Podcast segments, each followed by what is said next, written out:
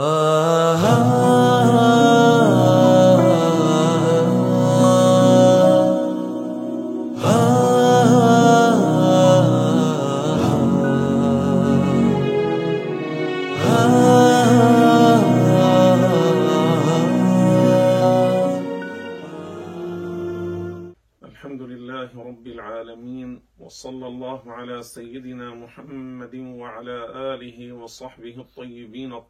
الطاهرين اللهم لا سهل إلا ما جعلته سهلا وأنت يا حي يا قيوم تجعل الحزن إن شئت سهلا. اللهم فاغفر لنا وارحمنا وتب علينا وعافنا واعف عنا وسامحنا وأصلحنا وأعنا على الصيام والقيام. وأكرمنا برؤية النبي صلى الله عليه وسلم وبرؤية ليلة القدر وبدخول الجنة مع الأولين. إنك على كل شيء قدير. أما بعد إخواني وأخواتي بارك الله بكم وحفظكم الله ورعاكم وسددكم. قال مولانا الشيخ الإمام الحافظ المجتهد المجدد المرشد أبو عبد الرحمن عبد الله بن محمد بن يوسف الهرري رضي الله عنه وأرضاه ونفعنا بعلومه وبركاته. آمين. قال رحمه الله رحمة واسعة من يفسر القرآن برأيه فهو من أهل الكبائر يعرض نفسه للهلاك وللخطر. فالحذر الحذر من تفسير القرآن بالرأي وقد قال عليه الصلاة والسلام من قال على القرآن بغير علم فليتبوأ مقعده من النار يعني من قال في القرآن وتكلم في القرآن برأيه بغير علم فليتبوأ مقعده من النار يعني فليفترش له فليتخذ له مكانا في النار والعياذ بالله تعالى. وهذا في معرض التهديد والوعيد. إخواني وأخواتي من الآيات القرآنية التي يفسرها المشبهة المجسمة على هواهم بآرائهم بما هو تكذيب للقرآن هذه الآية الكريمة الرحمن على العرش استوى. فيحرفون معناها ويشبهون الله بخلقه ويجعلونه جسما وحجما وجسدا وقاعدا وجالسا ويدعون أنهم سلف ويقولون نحن السلفية كذبا وزورا وبهتانا. يوهمون الجهال بهذه العبارة أنهم على عقيدة الصحابة. والرسول صلى الله عليه وسلم والصحابة منهم براء. لماذا؟ لأنه صلى الله عليه وسلم والصحابة والسلف والخلف كلهم على تنزيه الله تعالى على معنى هذه الآية الكريمة ليس كمثله شيء. يعني الله لا يشبه شيئا من كل خلقه بالمرة. لا يشبه شيئا من الأحجام والأشكال والألوان والهيئات. لا شكل له ولا يوصف بالقعود ولا بالجلوس ولا بالحجم الصغير ولا بالحجم الكبير. لا يوصف بشيء من صفات المخلوقين. وهذا ليس نفيا لوجوده لا. بل هناك في المخلوقات أشياء موجودة والعقل لا يستطيع أن يتصورها ولا يكون ذلك نفيا لوجودها. مثلا الروح الروح فينا ومعنا ولا نستطيع أن نتصورها ولا أن نتخيلها فهل يكون ذلك نفيا لوجود الروح؟ لا لو كان نفيا لوجود الروح لكان كل هذا البشر والجن والملائكة والبهائم من الجمادات. لكانوا من الجمادات لكانوا أمواتا وهذا لا يقوله عاقل.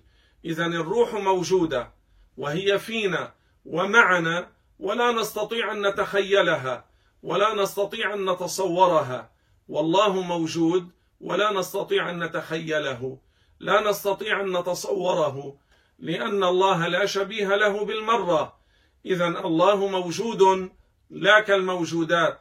لو كان قاعدا لو كان جالسا لكان محتاجا. اذا الأنبياء والأولياء والملائكة والصحابة والسلف والخلف على عقيدة التنزيه. الله لا شبيه له الله لا مثيل له الله لا كمية له الله لا حجم له الله لا أعضاء له الله لا صورة له الله منزه عن القعود والجلوس وعن الحلول في الأشياء وعن التغير وهذا ليس نفيا لوجوده وهو سبحانه موجود ازلا وابدا بلا جهة ولا مكان. ماذا تقول المشبهة؟ إذا قلتم ليس كمثله شيء ولا شبيه له وموجود بلا مكان فقد نفيتم ربكم. يقال لهم كذبتم. الله قال فلا تضربوا لله الأمثال. فهل يكون نفى وجود نفسه؟ الله قال ليس كمثله شيء. فهل يكون أنكر وجود ذاته؟ لا. هذا لا يقوله عاقل ولا يقوله فاهم ولا يقوله مؤمن ولا يقوله مسلم. بل الله موجود ووجوده ثابت لأن العالم كله دليل على وجود الله. بل سمي العالم عالما لأنه علم أي علامة أي دليل على وجود الله عز وجل. فهذا العالم كله بما فيه دليل يدل على وجود الله الذي ليس كمثله شيء. ويقال لهم في المخلوقات أشياء أنتم تقرون بوجودها ونحن نقر بوجودها.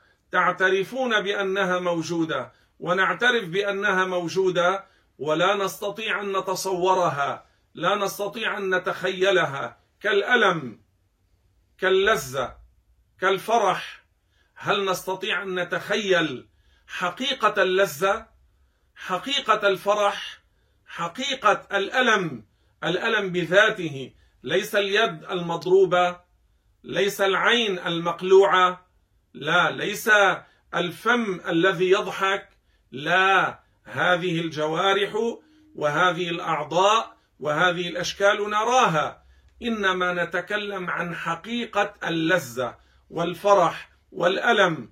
من منكم يرى حقيقة عقله؟ هل تنكرون هذه الأشياء؟ يقولون لا هي موجودة ومع ذلك لا يستطيعون أن يتخيلوا أو أن يتصوروا هذه الأشياء. وهذا ليس انكارا لوجودها. والله موجود ولا يشبه الموجودات وهذا ليس انكارا لوجوده. ويقال لهم كما كان موجودا قبل وجود السماوات والأرض والعرش والفضاء والجنة والنار وكان موجودا بلا مكان قبل وجود هذه الأشياء. وهذا ليس انكارا لوجوده وليس نفيا لوجوده كذلك بعدما خلق السماوات والأرض والجنة والنار والعرش والفرش وكل هذا العالم ما زال موجودا بلا مكان كما كان قبل أن يخلق العالم. وبعد أن خلق العالم لم يتغير فما زال موجودا بلا مكان وهذا ليس انكارا لوجوده. وليس نفيا لوجوده. ويجب الاعتقاد بأن الله صادق فيما قال وهو قال في القرآن وجعل الظلمات والنور. يعني مضى وقت مخلوق كان فيه ظلم ونور وهذا أثبته القرآن. وأما عقولنا لا تستطيع أن تتصور وقتا ليس فيه نور ولا ظلمة. عقولنا تتصور الظلمه تتصور النور. أما وقت مخلوق مضى ليس فيه نور ولا ظلام لا نستطيع أن نتصور ذلك. لا نحن ولا أنتم. وهذا أثبته القرآن. فهل هذا يكون موجودا أم لا؟ بلى موجود كان موجودا. وإن كانت عقولنا لا تستطيع أن تتخيله ولا أن تتصوره والقرآن أثبته وجعل الظلمات والنور. يعني مضى وقت مخلوق لم يكن فيه نور ولا ظلام. أول المخلوقات على الإطلاق الماء. الماء لم يكن النور ولا الظلام. في هذا الوقت المخلوق لم يكن نور ولا ظلام. عقلنا يتصور النور وحده أو الظلام وحده أو النور والظلام هذا إلى جنب هذا. أما وقت مخلوق موجود ليس فيه نور ولا ظلام من منا يستطيع أن يتصوره؟ لا نستطيع. وهذا ليس انكارا لذلك الوقت المخلوق الذي كان موجودا ولم يكن فيه نور ولا ظلام والقرآن أثبته ونحن وأنتم نقر به ولا يكون انكارا لذلك الوقت. فكيف تريدون بزعمكم أن تتصوروا الله وأن تتخيلوا الله وأن تعتقدوا أنه بهيئة وشكل وصورة ومكان وتقولون إن نفى الاشاعره عن الله ذلك فقد أنكروا وجود الله وأنكروا وجود الخالق. يقال لهم كذبتم نحن نقر بوجود الله ونعتقد أنه موجود لكن العقل لا يستطيع أن يتصوره كما أن تلك الأشياء المخلوقة لا يستطيع العقل أن يتصورها. ومن باب أولى أن العقل لا يستطيع أن يتصور الخالق. الله يقول في القرآن اسمعوا هذه الآية وأن إلى ربك المنتهى يعني الذي لا تصل إليه الظنون لا تصل إليه الظنون ولا الأفهام ولا الأوهام. ولا التخيلات ولا التصورات لا تدركه لأنه لا شبيه له.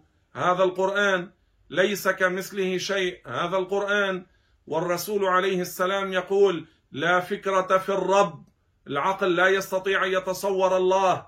وأبي بن كعب أقوى الصحابة في قراءة القرآن فسر هذه الآية قال الذي ينتهي دونه فكر من تفكر. هذا معنى وأن إلى ربك المنتهى.